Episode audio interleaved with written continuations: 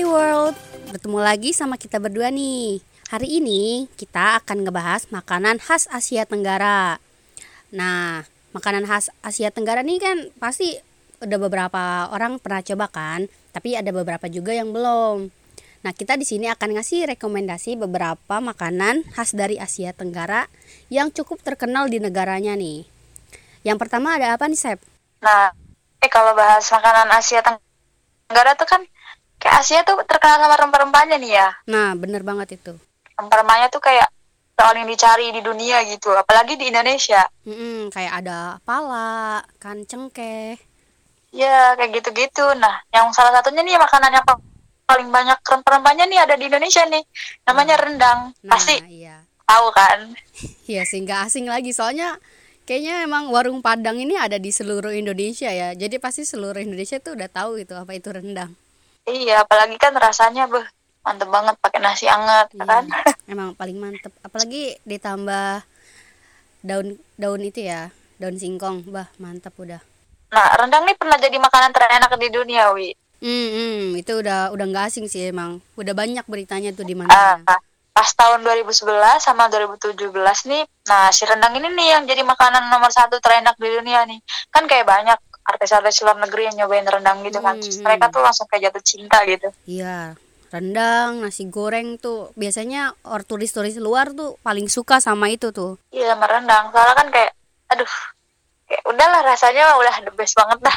nggak usah ditanyain lagi ya semua orang tahu sih iya nih, jadi tuh rendang nih sering dijadiin bekal, bekal buat orang-orang sana, orang-orang Minangkabau nih, yang kayak mau merantau. Soalnya kan karena kayak makanannya tuh tahan lama nggak cepet basi gitu kan. Mm-mm. bahkan tuh kayak artis-artis Indonesia tuh bekal bekal buat ke luar negerinya tuh ada yang bawa rendang gitu iya ada pernah dengar terus juga rendang nih proses masaknya tuh nggak cuma sejam dua jam tau tau nggak berapa Oh jam iya, soalnya kan dia daging sapi gitu kan. Nah, daging sapi supaya Iya. empuk itu katanya emang harus direbus lama. Cuma gue kurang tahu sih seberapa lamanya ini. Nah jadi nih masak rendang tuh butuh waktu kurang lebih 5 sampai 6 jam Wah. biar kayak dagingnya tuh empuk terus juga nggak amis gitu gitu Iya iya. nggak bau Mm, bener bener bener. Lama juga ya 5 sampai 6 jam gila. Itu nggak bisa iya makanya nggak bisa buat makanan buru-buru ya. Itu soalnya 5 6 jam gitu loh. iya masaknya segitu Iya, tapi semenit kita udah emang- habis Iya bener-bener Iya sih kan dia juga tahan lama mungkin it- proses itu juga yang ngebuat rendang lebih tahan lama gitu ya Iya bisa jadi sih ya. Terus juga nih Wi, di Padang nih ada tradisi untuk nyambut bulan Ramadan. Namanya tradisi merandang. Tahu nggak kira-kira apaan tuh Wi? apa tuh Dari namanya sih udah familiar tuh. marandang Dia tuh merandang tuh kayak iya tradisi untuk masak ma- masak rendang pas hari raya Ramadan, hari raya Idul Fitri gitu. ah iya iya iya gue juga biasanya orang tua gue sih gue selalu sih kalau Idul Fitri tuh pasti selalu ada rendang gitu Rendang ya. Atau enggak gulai ya kan? oh, gulai Terus ada kupat tapi tahu. iya benar-benar benar tapi lebih sering sih pasti yang wajib ada tuh rendang sih biasanya Iya. Rendang. Tapi masaknya lama nih. iya Biasanya sih lama Hamin eh, Hamin satu itu dia udah masak atau enggak beberapa hari sebelum hari raya udah pada masak rendang. Udah disiapin gitu ya bahannya Iya biar pas pas hari rayanya Udah kita bisa makan rame-rame sama Iya. keluarga kan. hari spesial makanannya juga spesial ya. Nah itu dia. Lanjut yang kedua ada apa nih Wi? Nah, yang kedua, kita melipir sedikit nih ke negara tetangga. Ada nasi lemak. Tahu kan Oh. nasi lemak yang dijual mahal tuh. Iya nih yang kalau yang sering nonton Upin Ipin nih pasti mau udah Iya. udah nggak heran kan denger nasi lemak. Iya, udah nggak heran gitu. Nasi lemak yang biasa Ada apa dijual nih, sama Kak Ros. Nah, jadi pada tahun Eh. 2016, nasi lemak ini masuk dalam daftar 10 sarapan sehat internasional versi majalah Time. Wih, berarti itu cocok banget berarti ya. Kayak recommended banget lah kalau kita Iya. ke Malaysia tuh sarapannya Iya, tuh harus pakai lemak. emang orang Asia tuh makanannya dari pagi nih udah yang berminyak sama bersantan ya. Nasi lemak juga kan mungkin kalau di Iya. Indonesia sama kayak nasi uduk gitu kan. Nasi uduk. Eh, Mm-mm. Itu termasuk makanan berat tapi emang kita pakai makannya buat sarapan sih. nah, jadi dikutip dari Goodie Feed Nasi lemak memiliki Uh. banyak variasi. Nah, di Asia Tenggara nasi lemak memiliki tujuh varian, yakni Indian Malaysia, Malaysia Cina, Riau, Melayu Singapura, Singapura Cina, vegetarian dan Thailand. Wih, banyak banget ternyata variannya. Jadi nasi lemak ini nih udah tersebar gitu loh, udah tersebar di beberapa negara tetangganya juga gitu. Jadi selalu ada variasi lagi di setiap negara tuh. Mungkin kalau di Oh, mungkin karena kenapa kenapa mungkin kalau versi Indonesianya itu ya itu sih si nasi uduk. nasi uduk ya. Itu mungkin karena mereka kayak tetanggaan gitu kali ya. Jadi Hmm. makannya tuh banyak variannya terus juga menyebar ke sana sana.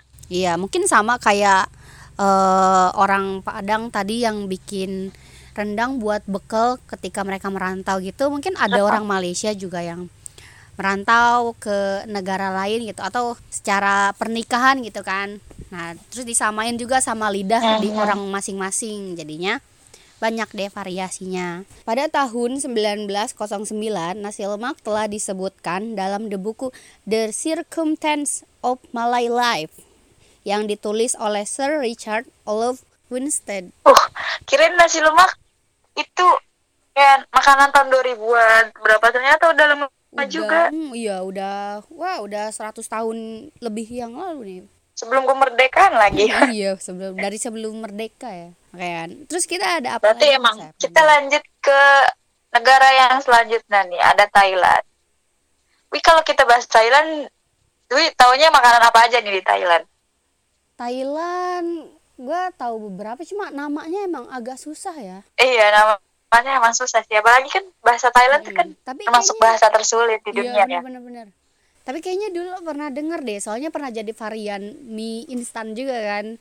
Tom yum ya kalau nggak salah. apa- ah, ah, bener banget nih. Jadi, tom yum ini berasal dari kata tom yang artinya rebus dan yam. Yam itu jadi tuh kayak sejenis bumbu khas Thailand nih. Jadi tuh bumbu yang direbus pakai bumbu Thailand. Eh, masakan yang direbus pakai bu- bumbu khas Thailand nih. Jadi makanya dikasih nama tom yum. Hmm, jadi tom yum ini eh rebusan yang berbahan ba- yang berbahan dasar si yam ini dong. Bumbu Iya, gitu.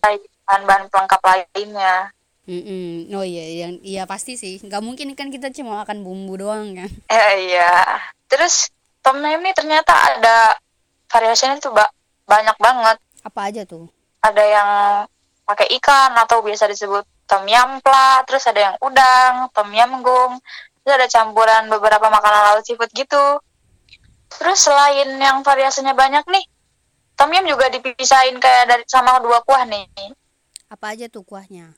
Nah, yang pertama tuh pakai santan atau namanya tuh tom yum nam kon.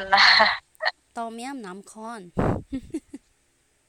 Nah, terus yang kedua tuh ada kuah bening atau kuah santan. Kuah eh kuah bening atau kuah tanpa santan Hmm, alias dia yam nam sai.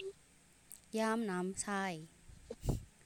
Ya, Ya, jadi dia yang tanpa yang tanpa santan ini dia bening gitu tanpa ya. santan ya. Iya, jadi kayak mungkin kayak kalau di Indonesia kayak beningnya kayak kuah bakso gitu kali ya. Hmm, mungkin mungkin iya kuah bakso kan nggak pakai santan tapi dia masih masih ada bumbunya lah ya. Iya, masih ada bumbunya jadi kayak gurih-gurih gitu. Wih, pernah nyobain tom yum gak, Wi? Eh enggak sih, gue cuma pernah lihat sama denger-denger aja, tapi kalau nyobain sih belum pernah.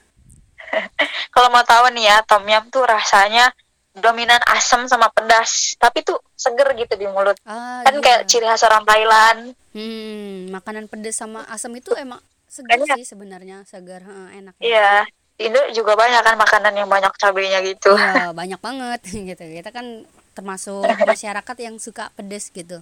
Yang suka pedes. Hmm, nggak bisa Apalagi pedesnya tuh banyak gila-gilaan. gitu Iya bener banget. ya. Nggak bisa makan kalau Terus nggak ada lanjut. sambel. Terus selanjutnya kita ada apa lagi nih, Wi? Selanjutnya ada po dari Vietnam. Nah, po ini Uh, merupakan namanya- namanya kayak Namanya po doang. Teletubbies ya. po. Iya, namanya Kirain singkat cuma po. Po. Ya, Teletubbies. Kenapa nih, Wi, po ini? Po. Po merupakan Po merupakan jenis mie yang disiram dengan kuah kaldu sapi bening lalu diberi topping irisan daging sapi tipis. gitu. Jadi makanan khas Vietnam ini berasal dari Hanoi dan menyebar ke selatan hingga banyak dijajakan di restoran mewah di berbagai negara. Mungkin ini Oh, jadi konsepnya tuh kayak, kayak kayak udon ya. Mm-mm. Iya kayak udon. Kan mungkin jenis mie-nya yang beda sama topping-toppingnya dan kuahnya gitu yang beda kan. Iya. Iya, jatuhnya emang lebih mirip udon gitu. Enggak bukan bukan lebih mirip. Mungkin Mm-mm. kalau di negara lain miripnya udon gitu yang lebih kita kenal. Iya, Cuma beda gitu. iya. Nah, mie yang digunakan Terus ada dalam apa lagi, Mi? lapo terbuat dari tepung beras disajikan bersama toge diletakkan dalam mangkuk. Nah, po ini udah udah ada sebelum Oh. masa penjajahan Prancis di Vietnam. Oh, mungkin tuh kayak ini tuh makanan yang disajikan untuk prajurit-prajurit Hmm, kali ya. Iya, bisa jadi. Aduh. bisa jadi. Bisa jadi soalnya udah lama banget kan, bahkan sebelum Vietnam dijajah. Lama banget. Berapa tahun lalu tuh kira-kira? Waduh, Ya. udah berabad-abad kayaknya. nah, move on sedikit, kita ada adobo di Filipina. Hidangan terkenal ini dipengaruhi oleh Spanyol ketika mereka menyerbu dan menetap di Filipina pada abad ke-16. Wih, lebih lama lagi ini. Iya nih, lebih tua daripada yang tadi kayaknya. Tapi emangnya emang sih makanan yang enak itu tuh emang makanan dulu-dulu. Soalnya rasanya tuh emang udah Makanan legendaris ya. iya, udah rasanya juga kan walaupun udah dimodifikasi biasanya mereka tetap enak gitu kan. Kayak udah khas banget. Apalagi kan orang zaman dulu tuh lidahnya peka-peka gitu. gimana ya? Iya. Iya, ya, gue ya kayak tahu kan kayak masakan nenek tuh katanya emang warisan gitu namanya juga. Buh, itu nikmat banget. Iya, makanya. Nah, terus adobo berasal dari kata adober yang berarti menghias daging dengan cuka atau rempah-rempah.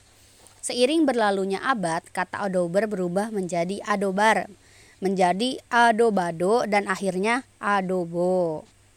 Jadi perjalanan Jadi kayak di- Disimpelin lagi ya. Mm-mm. perjalanan makanan ini tuh panjang juga gitu ya. Beberapa kali ganti nama. Panjang banget ya. Apalagi kan apalagi kan dari abad 16. Iya. Wih, berapa kali ganti nama tuh? Sekarang aja udah abad ke-20, udah 4 abad yang lalu itu makanan. Wow. Wih, iya. Mungkin kan eh, adober juga ini kan katanya dari pengaruh Spanyol gitu kan. Nah, makin seiringnya waktu kan Mm-mm. makin mungkin lebih merakyat namanya gitu.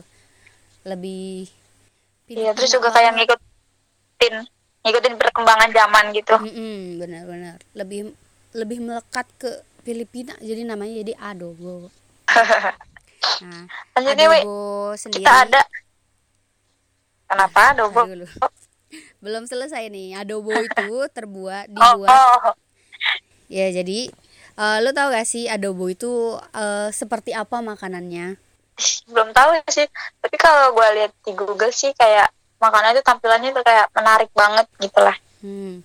Nah, adobo ini dibuat dengan merebus daging, biasanya ayam, babi, atau kombinasi keduanya.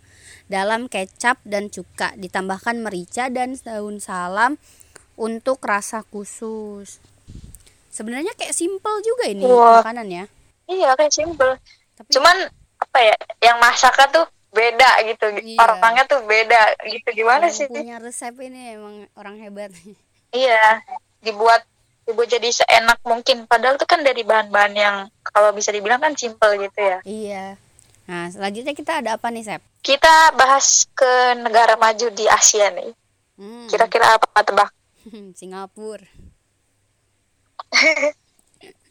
Nah di Singapura kan itu tuh ada makanan terkenal kan. Pasti orang-orang siapa sih yang nggak tahu laksa gitu kan? Oh iya, tahu-tahu. Soalnya di Indonesia juga ada laksa gitu.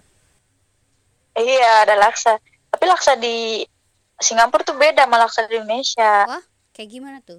Kalau laksa di sana sih biasanya tuh dia kayak lebih ke kari gitu kan. Kalau di sini kan laksanya laksa Betawi jadi kayak lebihnya ke santan gitu. Hmm, benar-benar benar.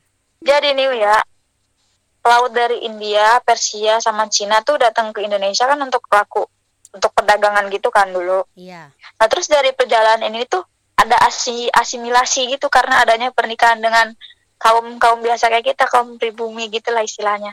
Nah jadi dari asimilasi inilah yang mempengaruhi kuliner gitu. Makanya tuh laksa ada di Indonesia, ada di ada di Singapura terus juga kan bahkan diklaim sama Malaysia kan pernah diklaim sama iya, Malaysia juga dengar. Malaysia Jadi tuh itu. dia suka emang suka mengklaim apa pun ya nah di Singapura nih ada tiga jenis laksa yang paling terkenal apa aja tuh ada ra- rasa kari, ada siam sama rasa asam. Tapi ini orang-orang di sana tuh lebih sukanya sama jenisnya tuh yang jenis kuah kari. Hmm, mm, mm. Mungkin mereka juga lidahnya lebih suka yang pekat-pekat kayak kari gitu Coba, ya. ya. Mm, terus juga umumnya topping topping laksa ini tuh ada tahu goreng, terus ada ada, ada ayam suwir, ada toge sama ada udang. Kan kalau laksa tuh kan seafood gitu ya. Kalau di Singapura. Oke. Kalau kita mau nyobain laksa nih nggak usah jauh-jauh ke Singapura, Wi. Karena di Indo pun kita ada laksa versi Indomie. Iya juga ya. Indomie laksa Singapura gitu. Waduh, jadi promosi sedikit nih ya. Tapi lu pernah nyobain gak Wi Indominya? Pernah, pernah. Ya, itu salah satu menurut gue produk yang paling berhasil dari Indomie sih. Emang seenak itu sih. Gue juga mungkin gue nggak tahu ya rasa aslinya laksa tuh gimana. Laksa Singapurnya gitu. Kalau laksa yang di Indo gue udah sering makan gitu. Tapi itu emang enak sih. Cuma baunya itu kayak Gue belum nyobain. mie sedap white curry gitu. Cuma dia lebih enaknya. Justru gue mie sedap Gue belum nyobain. Nanti nanti. suka. Cobain dong, kan udah ada tuh di warung. Waduh. iya sih, nanti nanti nanti kita cobain nih. Kita lanjut ke negara selanjutnya dulu nih. Ada apa lagi? Nah, ini ada lahpet dari Myanmar. Makanan yang juga Wah, dikenal sebagai salad daun teh ini disajikan dengan berbagai makanan lainnya dan dijadikan cemilan. Jadi lapet ini termasuk makanan teh. yang Hmm, daun teh. Teh, daun teh jadiin sa- salad. Iya. Gimana itu? Nah, makanya lapet juga ditemukan pada upacara tradisional dan pernikahan khas Myanmar. Lapet ini biasanya disajikan dalam lapet ok, yaitu wadah bundar yang terbagi menjadi beberapa kotak. Ada beberapa jenis lapet, tapi yang di yang paling terkenal adalah Mandalay lapet dan Yangon lapet. Jadi ini tuh termasuk kayak cemilan gitu, bukan makanan berat. Iya, terus juga ini, ini kan kayak makanan untuk upacara-upacara tradisional di sana Iya, kan. Jadi hmm. harus dilestarikan lah. Iya benar-benar. Kayak emang tapi biasanya kalau Walaupun acara-acara begitu tuh makanannya nggak nggak begitu berat kan. Ya, makanan-makanan yang ringan, Mm-mm. yang Asal kenyang. Mungkin lebih lebih ke makanan sampingan gitu lah lah pet ini. Tapi hmm, termasuk penting karena mereka makanan tradisional gitu. Terus ada Iya, apa? terus untuk menye- untuk me, menya- melestarikan kuliner khasnya lah gitu. Mm-mm, benar-benar. Terus ada apa lagi nih? Terus di Brunei Darussalam nih ada yang namanya ambuyat. Ambuyat apa tuh? Hmm. Jadi ambuyat ini tuh bahan dasarnya dari bubur sagu, terus teksturnya tuh lengket, warnanya putih kayak lem gitu. Ah, mungkin kalau di sini lebih kayak papeda ya. Ah iya, cuma tuh ada sedikit perbedaannya lah. Apa nih? Kan kalau papeda kan itu di dimakannya tuh cuma pakai kuah kuningnya aja. Hmm. Tapi kalau ambuyat nih, terus varian kuahnya tuh lebih banyak dari sup, ikan sampai saus tempoyaka tuh, terus juga toppingnya tuh dia lebih banyak kan. Ambuyat nih biasanya disajiin tuh sama sup ikan atau ampap ikan di sana namanya. Terus Hmm. ada sambal belacan, saus tempoyak, cah kangkung ikan bilis, lalapan sama jeruk bambangan nih. Nah, Wah, itu tuh yang bedain papeda ya, sama bener-bener. Iya sih, kalau papeda Nah, emang iya tuh. nggak nggak sebegitunya sih. Gue lebih taunya emang papeda ya udah sama Iya, kuah kuning aja gitu loh. sama kuah kuning aja ya kan. Mm-mm. Oh, Mungkin tapi cara makannya sama. Mm-mm. Banyak juga ya dia itunya. Terus ada apa Kita lagi? kan nih? kar- kita masih di kawasan Asia Tenggara, di daerah Asia Tenggara. Ada negara Kamboja. Kamboja, negaranya nama, kayak nama bunga ya, bunga Kamboja. Iya, kayak nama bunga. Bunga, Bunga yang. Nah, di sana tuh ada makanan namanya fish amok. Fish amok. Fish amok. Ikan nih pasti, soalnya depannya fish. Dep- depan visi ya. Jadi tuh makanan ini tuh disajiin di dalam daun pisang. Tapi kalau nggak ada daun pisang nggak apa-apa nih, kita bisa ganti pakai kertas roti aja. Hmm, dipermudah ya. Berarti nggak nggak Iya, gitu. biar nggak di... Heeh. Nah, fish amok ini tuh eh, makanan tradisional kari khas Kamboja yang terbuatnya tuh dari dari serai, dari cabe, santan sama daun amuk yang nantinya bakal dikukus sama di dalam daun, daun pisang gitu. Jadi kayak kayak apa ya? Kayak pepes aja lah di Indonesia Ah, iya, ibaratnya. Iya, pepes pepes. Iya bener-bener mirip pepes. Hmm, cuman bedanya isinya. Isinya mereka lebih kaya akan rempah yang harum yang harum-harum gitu kan ada serai. Mm-mm. Serai ini emang bikin wangi sih. Daun amuknya juga mungkin ya, bikin wangi. Ya kan nggak bikin amis juga kan serai itu Hmm. bisa bikin nggak bikin amis. Eh tapi kan ini eh, biasanya kalau pepes kan ada teksturnya kan kayak pepes tahu Ah. gitu kan, pepes ikan, daging gitu. Ini bentuknya kayak gimana nih dia? Kan katanya mirip pepes. Jadi tuh ini ah, jadi ini tuh bentuknya kayak puding gitu. Ah, Kayak kayak pas kita makan langsung set gitu. kenyal-kenyal gitu ya. Eh, tapi tuh rasanya tuh gurih kan karena bahan dasar sendiri kan ikan. Mm. Jadi ya punya rasanya gurih-gurih gimana gitu. Gurih-gurih tapi puding gitu ya. Anggap aja puding yang gurih gitu. Ada loh tapi puding yang gurih di Indonesia Iya sih. Iya sih. yang suka pakai santan. Iya iya iya iya, tahu-tahu. Nah, yang buat makanan fish amok ini jadi unik di lidah tuh ada penambahan yang namanya slokngor. Slokngor ini tuh kayak rempah khas Kamboja yang rasanya sedikit pahit. Ah, ah jadi dia nih gurih tapi ada pahit-pahitnya gitu ya. Tapi ada pahitnya. Nah, iya, terus juga wah, wangi. jadi satu ini semua rasanya. Iya, unik juga ya makanan ini nih. Hmm. Nah, Mungkin oke. kalau kita ke sana bisa jadi referensi. Iya, boleh. Bagus tuh. Soalnya agak unik juga sih emang. Dari pendengaran aja udah unik gitu ya. Iya, Pagi nyobain langsung gitu. unik banget. Eh, terus udah wi, udah habis nih wi. Ah, Waduh, iya. gimana nih? Udah habis nih. Oke, sampai sini aja pertemuan kita minggu ini. Jangan lupa dengerin sampai selesai dan sampai ketemu di bulan